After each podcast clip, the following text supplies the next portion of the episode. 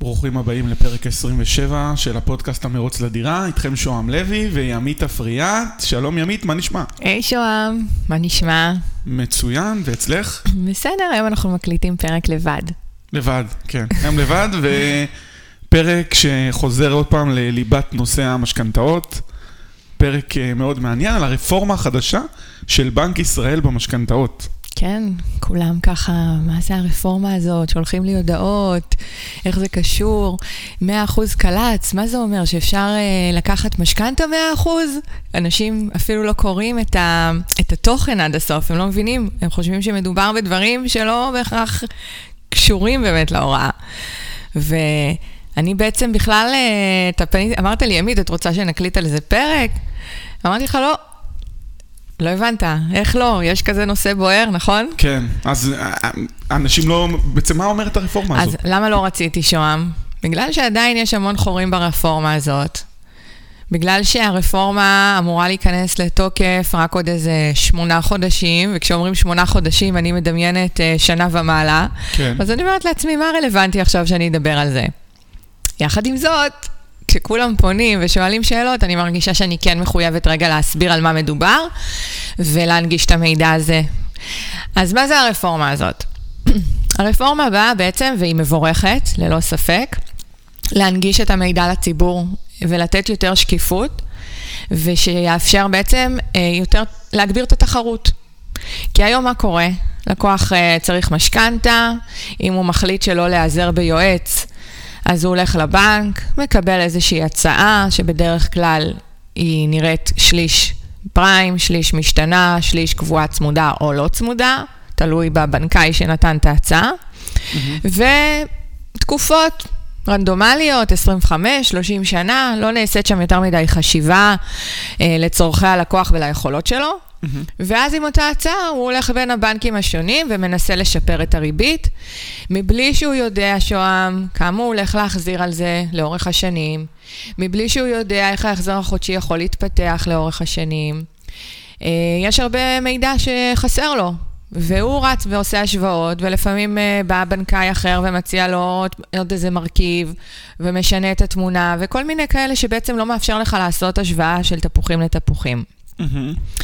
הרפורמה הזאת באה להציע בעצם שהבנק יהיה מחויב לתת ללקוח, כל בנק שהוא הולך לקבל ממנו הצעה, mm-hmm. uh, שלושת המילים אחידים. הם קראו לזה סלי משכנתה אחידים. בעצם אתה תקבל הצעה של 100% קבועה לא צמודה, הצעה של שני שליש אה, פריים ושליש אה, קבוע, mm-hmm. צמוד או לא צמוד, אנחנו לא יודעים. כן. והצעה של שליש, שליש, שליש. ויהיה בעצם איזה שהן הנחות מדד ותחזיות של עליית הפריים והכול, קבועות, אחידות בין כל הבנקים, mm-hmm. וגלויות ללקוח. זאת אומרת, היום שלקוח לוקח משכנתה צמודה למדד, הוא לא יודע שהמדד יכול לעלות ב-1.8 או 2 או 2.5 אחוז בשנה, והוא לא יודע את המשמעות של זה במשכנתה שלו. איך זה מייקר לו את הקרן, איך ההחזר החודשי יכול לעלות, אין לו את המידע הזה. עכשיו הרפורמה החדשה בעצם מכריחה את הבנקים להציג את המידע הזה באופן אחיד. וגם אנחנו, כמובן, יועצי המשכנתאות הפרטיים, נעבוד על פי אותן הנחות יסוד, על פי אותן הנחות uh, מדד ותחזיות, וזה יהיה מצוין. כי גם פה, שוהם, אתה חייב להבין שיש לפעמים יועצים פרטיים ששמים הנחות שהן לא בהכרח ריאליות. על מנת להציג ללקוח איזושהי, אה, חיס, איזושהי עלות כוללת של חיסכון הרבה יותר גדולה. רגע, רגע, אז, אז בואי בוא נדבר על הנחות ריאליות ולא ריאליות. זה מגיע מכל הנושא של אה, מדד, של מדד המחירים לצרכן, כן. וגם איך, איך תעלה הר, הריבית במשק. נכון מאוד. יש תחזיות של okay. זה אוקיי. שמבוססות על פי ריבית בנק על פי שוק ההון, על פי בנק ישראל, וצריך לעבוד לפי אותן הנחות. כמובן, הכל ספקולטיבי, אף אחד לא יודע באמת מה יקרה. אוקיי, אז נגיד בוא נתחיל... אבל כן להציג ללקוח את התרחיש ולראות שהוא ערוך, שאם הפריים עכשיו הוא 1.6, יעלה ל-3 או ל-4 אחוז, לראות שהוא יכול לעמוד בזה. היום הם לא מציגים להם את המידע הזה. אוקיי, רגע, אז בואי, בואי באמת אה, נתחיל... בכלל צריך לעניין את הלקוח מה ריאלי ומה, ומה לא, מה לא ריאלי, מה הוא צריך לשאול אם ה... מה הנחת המדד שלך נכון. כשהוא מגיע? נכון, וזה יופיע כמובן באישור העקרוני. יופיע באישור העקרוני את הריבית הכוללת החזויה, סך התשלומים החזוי, ההחזר חודשי הצפוי בהתאם לאותם משתנים, שזה פנטסטי, היום המידע הזה לא מופיע להם. אני כיועצת פרטית שמזינה את הכל בסימולטור שלי, מנגישה להם את המידע הזה, יושבת איתם ומראה להם את התחזיות האפשריות ואת ההתפתחות של ההחזר, שיהיו ערוכים. אני אגיד לך גם יותר מזה, אצלי התחזיות הן די סולידיות. יש לי תרחיש מחמיר גם, שהכל קופץ פי שתיים, וחשוב לי שהם יכירו את זה. כשהם לוקחים משכנתה, חשוב לי שהם ידעו שהיום ההחזר שלהם 4,000, והוא יכול להגיע גם לכדי 5,000 וגם יותר, בהתאם לשינויים שיכולים לקרות פה בשוק בישראל, שאנחנו לא יודעים בוודאות מה יקרה. אלא אם כן באמת הלקוח לוקח 100% קל"צ, קבועה לא צמודה למדד, כן. ואז הכל... אה, ואז לא חשוב מה קורה, נכון. ההחזר זה- שלו נשאר קבוע, אבל הוא משלם על זה היום נכון. סוג של פרמיית ביטוח. חד משמעית. פרמיה יקרה מאוד. מאוד, זה מאות שקלים יותר מאשר אם הוא ישלב נגיד את הפריים יחד עם המסלול הזה. אז אני באופן אישי בשום אופן לא הייתי עושה את זה, זה לא כלכלי, אה, אבל יש אנשים שזה מה שמתאים להם, ובסדר. שהם רוצים לישון בשקט, לא חשוב מה יקרה, תן לישון בשקט. נכון. עכשיו, מעבר לכל מה שדיברנו עכשיו, אה, המטרה של הרפורמה היא גם אה, בעצם להגביר את התחרות אה, ולשפר את המענה של הבנקים. אם היום לקוח פונה באופן פרטי ויכול לקחת לו כשבועיים לקבל אישור עקרוני, זה המון המון זמן. בן אדם רוצה לחתום על הסכם, על רכישה, והוא רוצה לפני כן להבטיח שהאשראי שהוא צריך יינתן לו. זה התהליך הנכון, לגשת לבנק, לבקש אישור עקרוני. איך הבנקים יעשו את זה? מן הסתם לא יגדילו את כוח האדם עכשיו. אנחנו לא יודעים, זה חלק מהחורים, אוקיי? הרפורמה אומרת שאתה צריך, שהבנקים יצטרכו לתת באמת אישור עקרוני מהיר יותר, אנחנו לא יודעים עדיין באיזה אופן זה יקרה. אולי הם יגדילו את ה... אה, ירחיבו את הפעילות הדיגיטלית שלהם, כמו היום בלאומי, שאתה יכול להיכנס לאתר הבנק, בשבע דקות להזין את כל המידע שלך, את כל הנתונים האישיים. להעלות גם את כל המסמכים. להעלות מסמכים זה השלב הבא. קודם כל אתה מזין את הנתונים האישיים, ועל בסיס זה, מבלי לבדוק מסמכים, אתה מקבל איזשהו אישור עקרוני. אתה חייב לדעת במיליון אחוז שמה שהאזנת זה מדויק, כי אחרת זה לא יהיה, לא תקף. אם כתבת, וזה קורה הרבה הרבה פעמים אצל העצמאים, שלא יודעים שהם בדיוק... לא יודעים כמה מרוויחים. נכון. הם לא יודעים בדיוק כמה הם מרוויחים ב-2019, ב-2020, ב-2021, צריך הרי לתת את כל המידע הזה. אז יכול לקרות מצב שעצמאי יגיד שהוא הרוויח 250 אלף שקל בשנה, כשבפועל הדוחות שלו יראו 120 כן, אלף. לעצמאים יש את ההבדל בין רווח לבין תזרים גם. נכון. יכול להיות לך... לא, נטו בסוף, אחרי ביטוח לאומי, אחרי מס הכנסה, אחרי כן, אני הכל. אומר, אבל יכול להיות לך כל מיני החזרי מע"מ והתזרים שלך הוא יותר גבוה מהרווח, ו- וכל מיני סוגיות כאלה שהתזרים יותר גבוה מהרווח. כן. אם, הכרת בפחת, אם... כן, טוב, כל אבל- מיני דברים כן. שבסוף אתה חושב שאתה הרווחת 200 אלף בשנה, אבל אתה ב-150, ואז האישור יכול ליפול.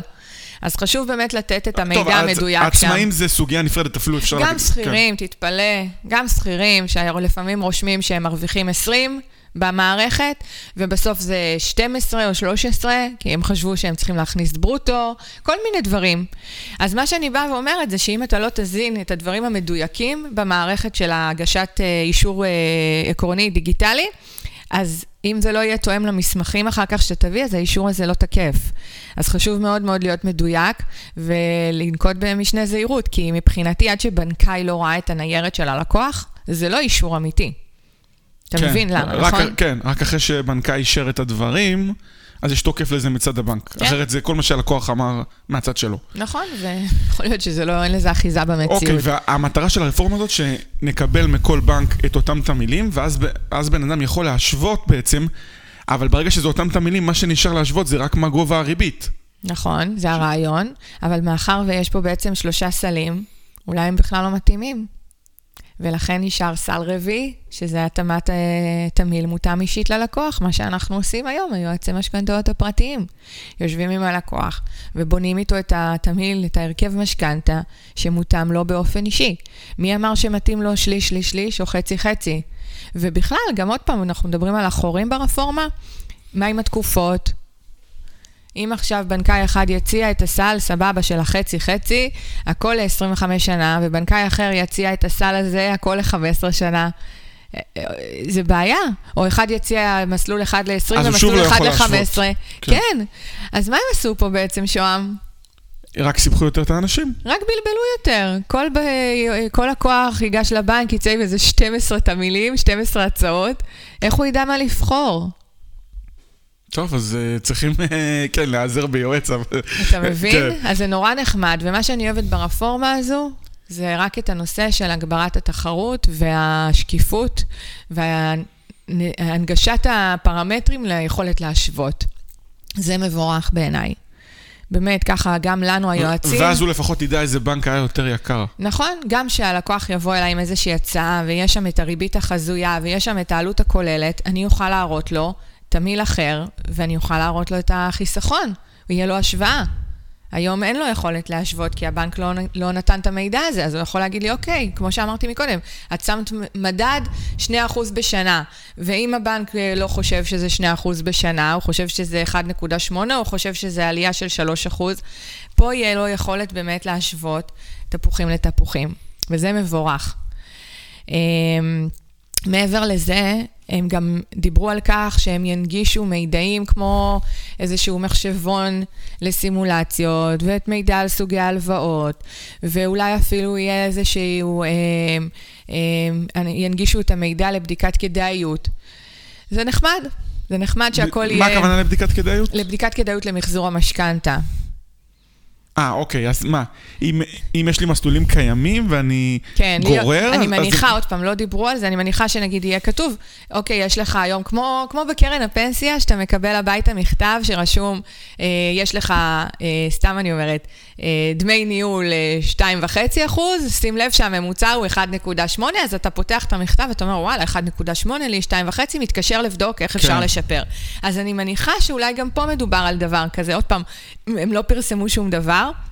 אבל זה יכול להיות מדהים אם הם יכתבו ללקוח, שים לב, יש לך ריבית 4%, הממוצע היום הוא 3, תבחן כדאיות למחזור. זה יהיה מדהים אם המידע הזה יהיה בדוח היתרות. Mm-hmm. בצורה ברורה זה, ונגישה. וככה אנשים יוכלו לקבל החלטות. נכון, זה יהיה פנטסטי, וזה באמת דברים מאוד מאוד חשובים בעיניי שצריכים לקרות, והלוואי והם יקרו בצורה הטובה ביותר, ולא עכשיו גם באיזשהו תהליך ארוך של שנים, אלא באמת כמו שבנק ישראל תיאר כשמונה חודשים בערך. והיום גם יש את הדברים האלה ברשת, כן? מחשבונים, סימולטורים ו... ומידע על סוגי הלוואות, הכל קיים, רק צריך אה, לחפש את זה. מי שהולך לקחת משכנתה, שלא ייגש לבנק על עיוור, שיקרא, שיתעניין, שיחקור קצת את השוק, ורק אז ייגש לבנק, ושוב, זה בהנחה שהוא בחר לא להיעזר ביועץ פרטי. כן, אז, אז בעצם כל הדבר הזה הולך לקרות רק בעוד אה, שמונה חודשים, את אומרת. זה מה שמדובר, כן. ועד אז אנשים בעצם עדיין הולכים לבנק ומקבלים... אה, כל, היום, כל בנק, אותו דבר. כיום כל בנק נותן מסלולים שונים. כן, כמו היום. תחשוב מבחינת ההיערכות שלהם במחשוב, איזו היערכות מטורפת הם צריכים. בטח כל הפרויקטים שהם עובדים עליהם כרגע, וואו. נכנסים להולד, ועכשיו הם צריכים לעבוד רק על זה, על התאמת המערכות. להנגיש את המידע הזה, וזה מטורף, פרויקט מטורף עבורם, אני מניחה. אוקיי, והיום נגיד... מקווה שזה לא יפגע כן. בשירות. רגע, ועוד שאלה, נניח מי שבא לעשות את זה לבד. היום ההמלצה היא, אם אני בא לבנק לבד, לבוא בעצמי עם uh, את המילים שאני רוצה, ולא לתת לבנקאי סתם uh, לזרוק לי. חד משמעית, שם, אחרי שאתה הבנת מה יכולת ההחזר שלך, החודשית, ומה התוכנית שלך מבחינת פירעונות, אם תרצה. זאת אומרת, לבוא לבנק, לבוא לבנק מוכן, בכל מקרה, בטח. עם הרפורמה, בלי הרפורמה, להגיע מוכן עם מה שאני רוצה. בטח, אמרנו פעם ב... כי אחרת אני לא יכול להשוות את זה שוב. נכון. אמרנו באחד הפרקים שיוסי אש אמר בקורס כלכלת משפחה, שללכת להתייעץ עם הבנק איך אה, לבנות את המשכנתה, זה כמו שהתרנגולת תתייעץ עם השוחט איך לשחוט אותה. אתה לא בא להתייעץ עם בנקאי, כי האינטרס שלו זה למכור לך את ההרכב באופן שהוא יכניס לו הכי הרבה כסף. אתה צריך לבוא מוכן בעצמך, עם ההרכב שמתאים לך, אחרי שהבנת מה זה בכלל כל מסלול, ולמה לפרוס אותו לתקופה כזו ולא אחרת, ואיזה ריביות ניתן לקבל, ואיפה התחנות יציאה, ומתי יש קנסות, ואיך ההחזר החודשי יכול לעלות. אתה מבין כמה דברים? אז... כן, אה, ו... טוב, וכשבן אדם רוצה להתאים, להתאים לעצמו את, ה, את המסלולים, אז כדאי לו לקרוא קודם כל על כל אחד מהמסלולים. חייב, ב... אחרת מאיפה הוא ידע את המידע, איך לבנות את זה. הוא חייב לקרוא, הוא חייב להבין, ושוב, זה, זה למידה ארוכה. לכן, עוד פעם, אני לא באה ל... אתה יודע כן. שאנחנו אף פעם לא מוכרים שום דבר פה, אבל בשביל זה קיימים היועצים הפרטיים. בשביל להקל עליך את תהליך הלמידה הארוך הזה עכשיו, ולהנגיש לך את המידע בצורה בהירה, בגובה העיניים, להראות לך ולעזור לך לקבל את ההחלטה הזאת, שבסוף מגלמת המון המון המון המון המון המון המון כסף. כן, וה- והיום אם בן אדם נגיד רוצה לדעת בכל מסלול איך הוא יתפתח, אז מה, הוא מכניס את זה לסימולטורים? אה, יש סימולטור אחד לדעתי ברשת, שאפשר להכניס שם הנחה של אה, מדד. הוא לא מציג את השינויים החזויים בפריים, זה לא קיים היום. יכול להיות שברפורמה החדשה זה יהיה, יהיה סימולטור כזה. כן, אה, טוב, לחשב את זה לבד זה בכלל אה, משהו מסובך ש... ודרך אגב, לא ציינתי שבנק ישראל רצה בעצם להגביל את השלושה אה, סלים האלה בלבד, ובזכות התאחדות יועצי המשכנתאות ועבודה מאוד מאוד עיקשת שהם עשו שם, וככה התערבות אינטנסיבית, אז זה התאפשר הסל הרביעי, שזה בעצם הדבר הכי הכי חשוב, שזה ההרכב מותאם אישית ללקוח. אה, ופה בעצם הוא בא ובוחר את המסלולים, הוא בא עם המסלולים שטובים לו, מהמם. ואז הוא יכול להשוות, בעצם מה שאמרנו שצריך לעשות היום, מי שמגיע לבנק. נכון? להשוות, להגיע עם מסלולים מוכנים ולהשוות. כן. ששוב, מה שיוצא פה באמת פנטסטי זה שיש איזושהי עלות כוללת חזויה אחידה. זה סופר חשוב. אבל אה, זהו, לגבי העלות כוללת, זה הכל כאילו משתנים, שהכל יכול להשתנות כל הזמן. נכון, אבל נתנו... ת- נכון שזה יכול להשתנות, וזה ספקולטיבי, אף אחד לא יודע אם המדד יעלה ב-2% בשנה, או ב-2.5% או ב-1.8. אבל זה נהדר שהקו יהיה אחיד, ואז גם יש יועצים שרלטנים, תסלח לי, שמנפחים את העלות הכוללת עם איזה מדד חזוי של 4%, ובככה מציגים לך אה, עלות אה, כדאיות למחזור במצג שווא. ופה הם לא יוכלו לעשות את זה, כי יהיה קו אחיד שכולם יצטרכו לעשות את החישובים לפיו. לפי התחזית הריאלית. כן. אה, תחזית השוק, מה שנקרא. נכון? אוקיי, אז נגיד את זה ככל שהמדד יותר גבוה, אם יש לך מסלולים צמודי מדד, אז ברור שאם תחליף אותם במסלולים לא צמודים, אז ההפרש הוא הולך וגדל, ככל נכון, שהמדד יותר, נכון. יותר גבוה. נכון מאוד. שזה עשוי, אוקיי, זה עשוי להשפיע. עכשיו, גם מתוך ההחזר הכולל נגזר המדד של החזר לשקל, שהרבה אנשים לא מבינים מה הוא נכון. אומר, נכון? נכון מאוד. רגע, אז החזר לשקל זה סך כל התשלומים לאורך כל השנים, חלקי כמה שלקחתי היום, נכון? כן. וככל שהיחס הזה יותר גבוה, ככה המשכנתה שלי יותר יקרה. נכון, וגם שם, תלוי. אם uh, גם פה הרבה פעמים אנשים אומרים לי, מה, ראיתי החזר לשקל של שקל 30, איך אצלי הגעת uh, לשקל 70? לא, כן, כי בשקל 30 משכנתה לתקופות הרבה הרבה יותר קצרות, אצלך זה תקופות הרבה הרבה יותר ארוכות, אין מה להשוות אה, בכלל אז גם אחד ככל לשני. שהתקופה יותר ארוכה, נכון, נצפה ליחס החזר לשקל. אם מדברים על אותם מסלולים, נכון, אז ההחזר לשקל בוודאות גדל, יהיה יותר נכון, גדול. אין פה... נכון. נכון מאוד. ואני אומרת תמיד ללקוחות שלי, אל ת, תסתכלו על העלות הכוללת וההחזר לשקל, תסתכלו על הכאן ועכשיו, מה מתאים לכם, ותהיו מכוונים ל, לייעל את זה לאורך השנים. אם כרגע מתאים לכם 4,000 שקל החזר, זה מצריך פריסה ארוכה, אז אוקיי, נבחן שוב עוד 5, עוד 10 שנים. זה לא חתונה קתולית. אוקיי? המשכנתה, ניתן לשפר אותה ולשנות אותה לאורך השנים, בהתאם ליכולות שמשתנות. הכל בסדר. זאת אומרת שאתם מקבלים את כל הפרמטרים האלה מהבנק, קודם, קודם כל תחליטו מה מתאים לכם, ואחר כך בהתאם לפרמטרים וההשוואות בין הבנקים, תחליטו איפה הכי כדאי לכם לעשות כן. את זה. ולא תלחיצו את עצמכם למשהו לא מתאים רק בשביל להגיע ליחס החזר לשקל נמוך, או סך החזרים נמוכים. נכון מאוד. כי עוד דבר, גם אם תבחרו בסך החזרים נמוכים, יכול להיות שזה מסלולים הרבה יותר מסוכנים, ובהמשך הם, אה, או, או שההנחות כיום, לפני כל הרפורמה, הן לא מדויקות, ואז אה, ההחזרים עלולים לעלות. נכון. צריך לקחת את כל הדברים האלה בחשבון. טוב, אז אה, נקווה שנתנו לכם פה ערך, ולמדתם ושמעתם על הרפורמה החדשה של בנק ישראל, אז ימית, אה, תודה רבה על הפרק. בכיף, תודה. תודה, להתראות בפרק הבא. ביי.